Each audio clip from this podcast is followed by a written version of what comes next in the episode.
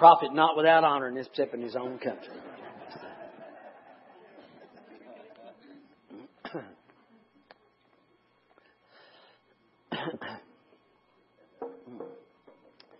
Pardon me, I have to drop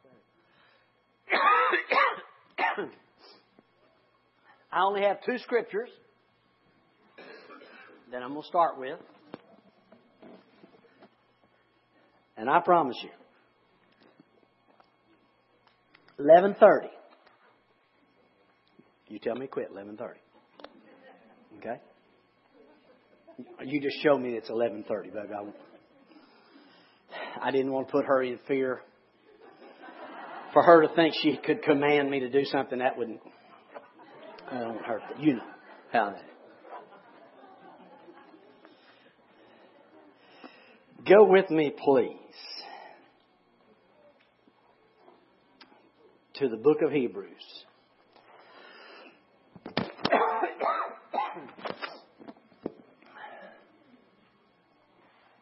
Just pretend that you know everything that I'm thinking. That way I don't have to cover it all, okay? The final clause of the New Testament. If the church of the Lord Jesus Christ in this day and time will get a hold of the final clause of the New Testament, our lives will change and so will the world.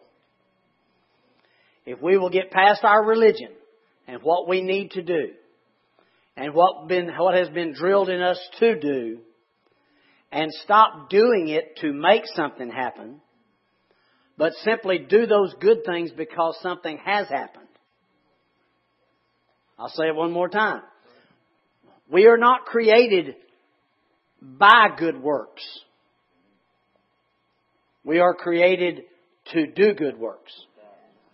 You cannot do enough good works to make you accepted before God. You don't get any more points or anything else. Now don't get me wrong, there are rewards.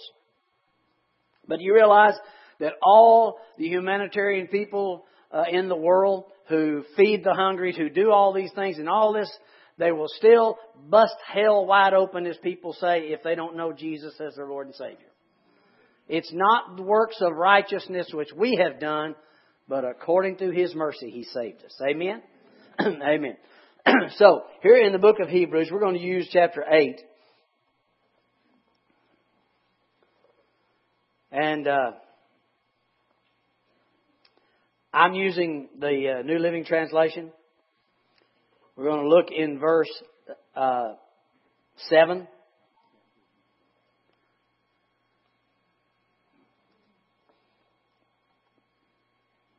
All right. If the first covenant, what's the first covenant? The law. The covenant of the Ten Commandments. That's the first recognized in what Hebrews is talking about. We know there were other covenants. But the covenant that the people demanded from God was His law, and that's the first covenant, okay, that, that He's talking about here. Actually, the covenant you and I live in precedes that covenant. Because the covenant of love and mercy came in when God er, created man.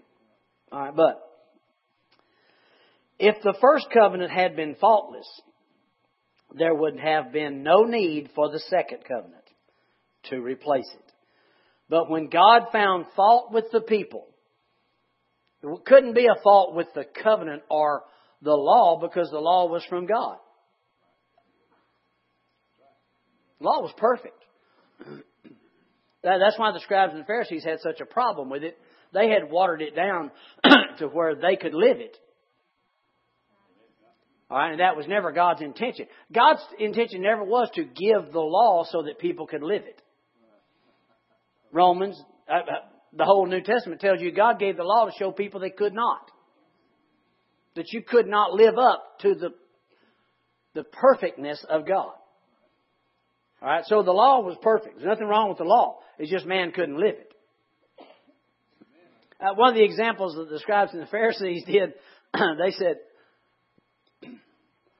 they had watered one of the laws down and said, uh, Jesus said, You will say to your parents, I know that you're in need, and I know that you're, you're hurting right now, uh, for money or food or whatever, but I have given the money that I would give to you, I have given it to the Lord.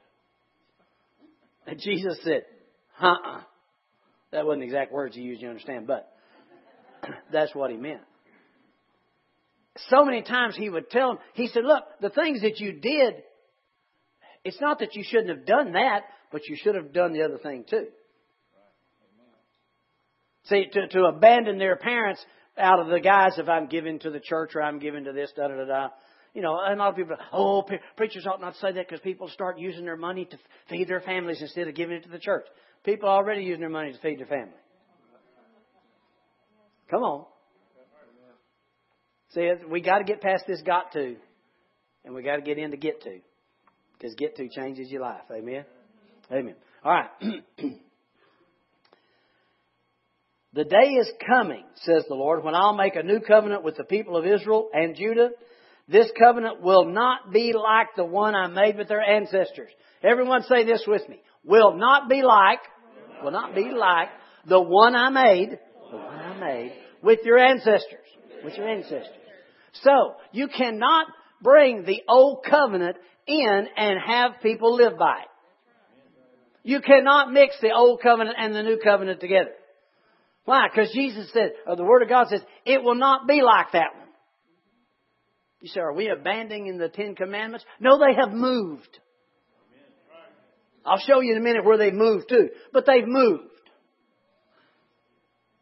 When you find out they moved and when you find out where they moved, you be excited. Okay. The covenant will not be like the one I made with their ancestors.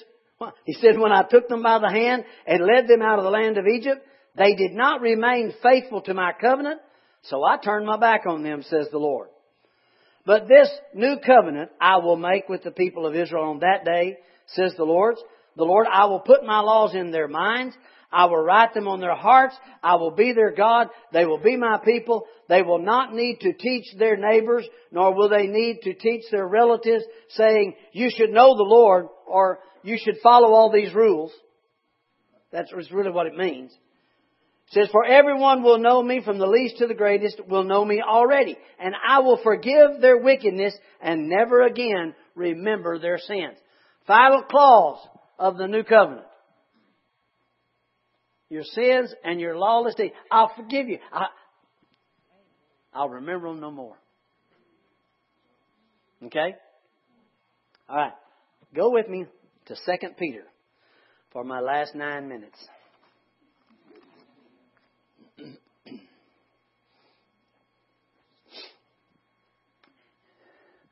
You know, we've talked about this many times the, the, the push to get uh, everything that, that's far as Christian into our government and a lot of the things that are written in the halls of Congress and on the walls and and and there's been this push to get the Ten Commandments written and and put up and wanting to you know all these things. And when when when I say this, people kind of look at me and start to get upset. But uh, this is the correct way to say this. We there is no power in those Ten Commandments put up on that wall to change anybody's life. I mean, when you start reading those commandments, uh, the only thing the law is designed to do is bring guilt. That's the Bible calls it basically a covenant of death. The handwriting of ordinances that was against us. The Bible said Jesus took them out of the way, nailing them to the cross.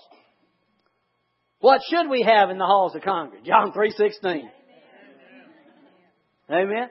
Why? Because when you see, for God so loved the world, He gave His only begotten Son, that whosoever believeth in Him would not perish, but have everlasting life. And put 17 there with it, for God sent not His Son into the world to condemn the world, but that the world through Him might be saved. Amen. That will change lives. The other stuff just says, I can't do that. And it's totally and perfectly right because you can't. Amen? You can't. Now, Second Peter, let me read this to you. Second Peter, or you can watch it as it goes up there. Verse 16. Oh, I'm sorry, first chapter. First chapter, Second Peter chapter 1, verse 16. Everybody say amen when you see it. Amen. All right. Y'all not fooling me, are you? Okay, I just did. For we are not making up clever stories when we told you about the powerful coming of our Lord Jesus Christ. We saw His majestic splendor with our own eyes. When He received honor and glory from God the Father, the voice from the majestic glory of God said to Him, This is my dearly loved Son who brings me great joy. Now, this translation left out very important statement. When when Jesus said that on the Mount of Trans, mean, God said that on the Mount of Transfiguration, God said, This is my dearly beloved Son, in whom I am well pleased. Hear ye him. Hear ye him. That changes everything. Because what was taking place was you had uh, Moses and Elijah there with Jesus on that Mount of Transfiguration, the law and the prophets. And that's first when Peter said, Oh, Jesus, this is good that we're here. He said, We'll make three tabernacles.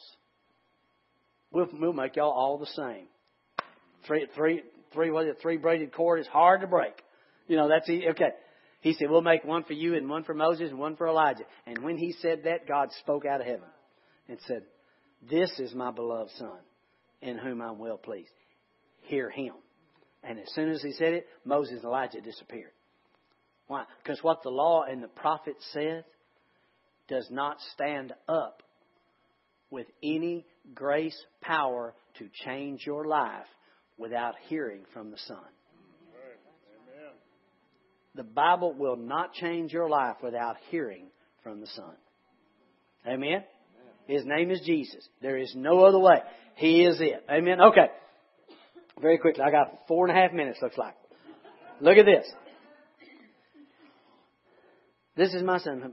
Verse 18. We ourselves heard this voice from heaven when we were with him in the holy mountain.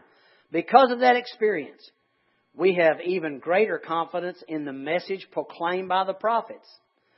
You must pay close attention to what they wrote, for their words are like a lamp shining in a dark place.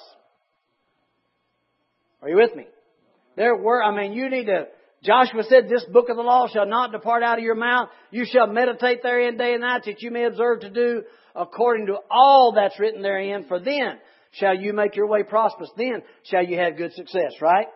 So he said, you need to study this word. You need to memorize this word. You need to have this word down. You need to obey every facet of this word. But it couldn't be done. But this next part of this verse changes everything. You must pay close attention to what they wrote. They wrote to the words that like a lamp shining in a dark place until, everybody say until, until. the day dawns and Christ the morning star shines in your heart. What changes from that word that you were taught in Sunday school, that you're supposed to memorize, that you're not supposed to, thou shalt not, that you're not what changes when Jesus arises in your heart? That law was good, and you were to pay attention to it. You say, "Well, that, that's in that's in Hebrew. I mean, that's in Peter." Yeah, but look what he's saying. He said, "When Jesus comes alive, the morning star just rose in your heart." The law has been moved, folks. There's not a Christian setting here that does not know, thou shalt do no murder. That's right. Everybody knows that's not right. How do you know that? Well, I, have been taught. No, no, no, no. I'm asking you about down in here. Right. Right. You know it down in here. Thou shalt not steal. Thou shalt not covet. Thou all those thou shalt nots that you could not do in the natural, you can do now in the spiritual. Why? Because the day star has arisen in your heart. Amen. He said, You mean we don't need the Bible? No, what I'm telling you is it's in you. And when you read it, and you need to read it all the time, just read the good parts. When you read it, it is alive in you. That's why when you read things over your life and preachers would preach them and you think, that just, I don't seem right for some reason. I don't know. The day star was rising in your heart telling you. That's some of those scriptures that we never understood, like, if you don't bear fruit, God's gonna trim you off. He gonna purge you. Boy, I hated that word purge. I mean, oh, don't like that. And, and that word really wasn't there. And it never fit with me. Never fit with you. You just wondered why. Because it means if you don't produce, it actually says in the Greek, He will lift you up. Why? So the light can get to you. Amen. That's why you are sure. That's why this thing is sure. This Christianity. Because this is not a religion. It's not based on you learning that Old Testament and living by the laws. It's, it's not based on you following what the Apostle Paul says, and we should because he's a great guy. What's it based on? The blood of the Lord Jesus Christ. Him giving His life. Therefore, has God sent forth the Spirit of His Son into our hearts, crying, Abba, Father. Amen? That's how we live. That's why you are forgiven now and forevermore. That's why you're a child of God now and forevermore. Not because of what you do, but because of what Jesus has done. Amen. And why can you overcome? Why can you stand up in Jesus' name? Because you ain't standing up in your name. You're standing up in Jesus' name. He is it. Greater is He that's in you than He that's in the world. I'm through.